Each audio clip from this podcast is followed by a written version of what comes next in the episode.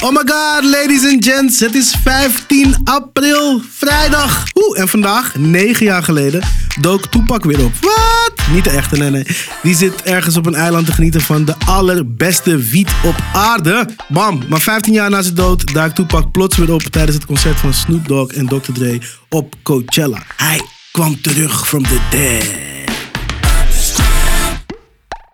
Opspraak. Dames en heren, het is vrijdag. 15 april. En op deze dag in 2012 dook Tupac weer op. Wat? Wat? Eh, niet de, ja, nee, niet de echte. Die zit natuurlijk gewoon ergens op een eiland te genieten met de allerbeste wiet van de wereld. Maar 15 jaar na zijn dood duikt Tupac plots weer op tijdens het concert van Snoop Dogg en Dr. Dre op Coachella. Hij kwam terug uit de dood en zette daarmee heel wat in gang. Ben jij fan van Tupac, eerlijk zeggen? Eh, ja, ik ben fan van Tupac. Ja, wat is jouw lievelingsliedje van Tupac? Hit 'em up. Vind ik heel goed. Oh, that's why I fucked your bitch, you fat motherfucker. Helemaal. Toch? Ja, Ja, dat, is, ja. dat vind ik heel goed. Dat heel goed. En verder, ik ben niet zo'n kenner eigenlijk hoor. De hits. Nee? Ja, het enige dat ik echt heel bewust als hit toen heb meegemaakt als kindje is Changes. Maar dat was eigenlijk postuum, hè. Ja, precies, precies, precies, precies. Maar dat geeft niet. Dat geeft niet. Dit is precies waar het over gaat, hè? Postuum, luister. Mhm. Coachella 2012. Snoop Dogg en Dr. Dre headlinen het festival. Oké. Eh, de set is meer dan een uur bezig. En opeens wordt het pikdonker. Dramatische stilte. En hij staat daar plots, onaangekondigd. Tupac Shakur, back from the dead. Oh my god. Maar, dan wordt het What the fuck is up, Coachella? Klinkt het door de boksen in de stem van Tupac zelf. Eh, en het is gewoon een hologram van Tupac. Bam! Oké, weet jij dan alles over hologrammen? Mag ik al mijn vragen aan u stellen? Ik ben toevallig, ik vind het echt heel grappig dat je dat zegt. Maar ik ben gewoon de, de, hologram-specialist van vandaag. ja, wat wil je weten? Oké, dus Coachella, no, dat bestond nog niet toen hij is gestorven. Ja. Dus is dat dan iemand die dat aan het zeggen is en dat ze daar dan met een computer Tupac zijn stem van maken, want ze hebben die ingelezen en ze hebben dus dat materiaal, hoe dat ze ook deepfake en zo maken? Jazeker, precies dat. Zo. Ja, nee, de hologram, de hologram was, is gemaakt bij eh, Special Effects Production House Digital Domain. Ehm, en zij hebben dus ook de computer-generated imagery eh, van Brad Pitt gemaakt in The Curious Case of Benjamin Button. Dat hij zo oud Ja, wordt, ja, weet je wel? Of dat hij oud, ja, dat hij oud is. Ja, en eh, ze hebben dus ook eh, dingen gedaan voor de film Titanic. En daar hebben ze een Academy Award voor gepakt. Dus het zijn wel, het, het, zijn, het zijn wel grote boys. En AV Concepts, zij hebben dus, dus echt die, de projectie gedaan. En wat denk je dat zoiets kost om zoiets te doen? Want ze wilden niet echt, Oh, nee. ze wilden niet een prijs zeggen, maar er is wel, je kunt wel een schatting maken. Dus ze hebben wel gezegd van ja, zo'n soort project zou dit of dat kosten. Wat denk je? Oh, toch zeker 500 euro. ja, ja, bijna. Nee, ik weet niet, Tussen- zo tussen- een miljoen of zo? Tussen de 1 en de 4 ton. Ah, een half miljoen. Ja, ja, ja, ja. Dus big, big money. Nou ja, je moet je, moet je voorstellen dat, dat je daar staat. Hè? Ik bedoel, natuurlijk, eh, Dre en Snoop is sowieso al heel sick om te zien. En opeens staat daar Tupac gewoon soort van mee te dansen op de muziek. Eh, Het was het idee van eh, Dr. Dre om een eh, hologram te maken. Eh, hij heeft dus met de toestemming van de moeder van Tupac... waarschijnlijk hebben ze haar ook een beetje betaald... Eh, en, en hebben ze dat dus gewoon kunnen doen. En er waren natuurlijk ook eh, andere artiesten die daar waren en die het ook heel sick vonden. Eh, Katy Perry, die zei dat ze gehuild had toen ze Tupac zag verschijnen. En eh, Rihanna zei dat het een concert was waar ze haar kleinkinderen over zou vertellen. Wauw. Ja, ja, ja. Ik, ik, ik weet dan nooit of dat dan echt zo is. Je weet, ik geloof nooit iemand. Eh, maar er werd daarna zelfs gesproken over een hele tournee. Met eh, Dre, Snoop en de Tupac hologram. Maar uiteindelijk heeft Dre daar toch nee tegen gezegd. Omdat, ja, niet iedereen vindt het eigenlijk tof. En er zijn ook gewoon mensen die het gewoon super eng vinden. En ook gewoon ethisch niet verantwoord omdat hij dood is. Weet je wel? Jij zou het wel willen zien ook.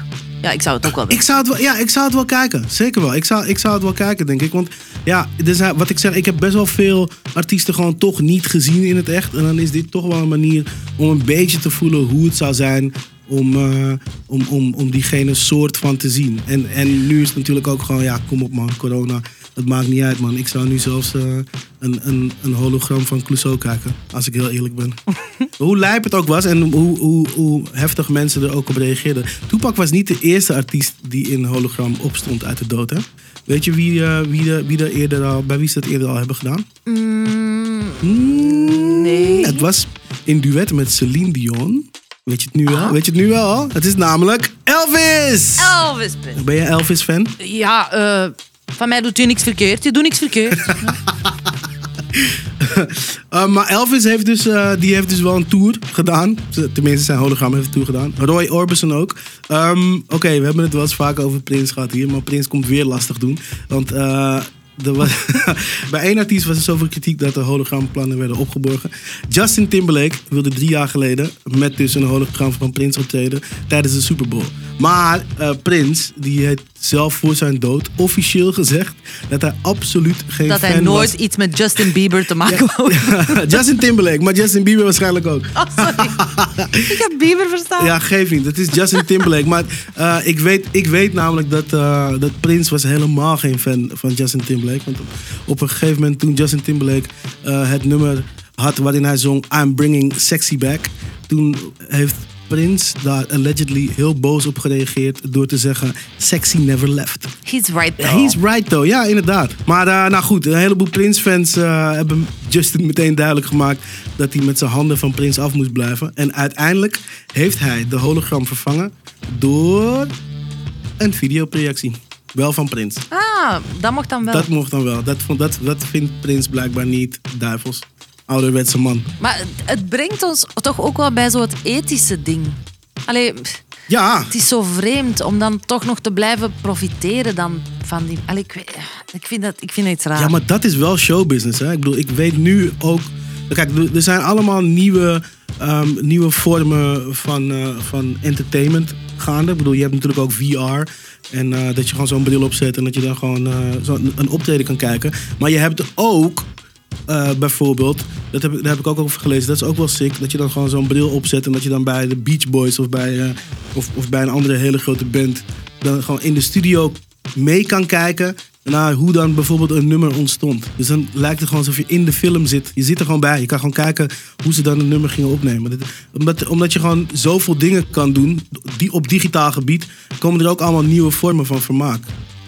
En ja, dit, dit is, Ja, dit is aan mensen- het begin eigenlijk pas. Mensen nemen geen genoegen meer met gewoon de archiefbeelden die er zijn. Hè? Nee, Toch? tuurlijk niet. Eh, er zou trouwens ook een wereldtournee komen van Amy Winehouse. Live. Met Big Mm. Band. Die werd aangekondigd. Haar vader had dat toegezegd.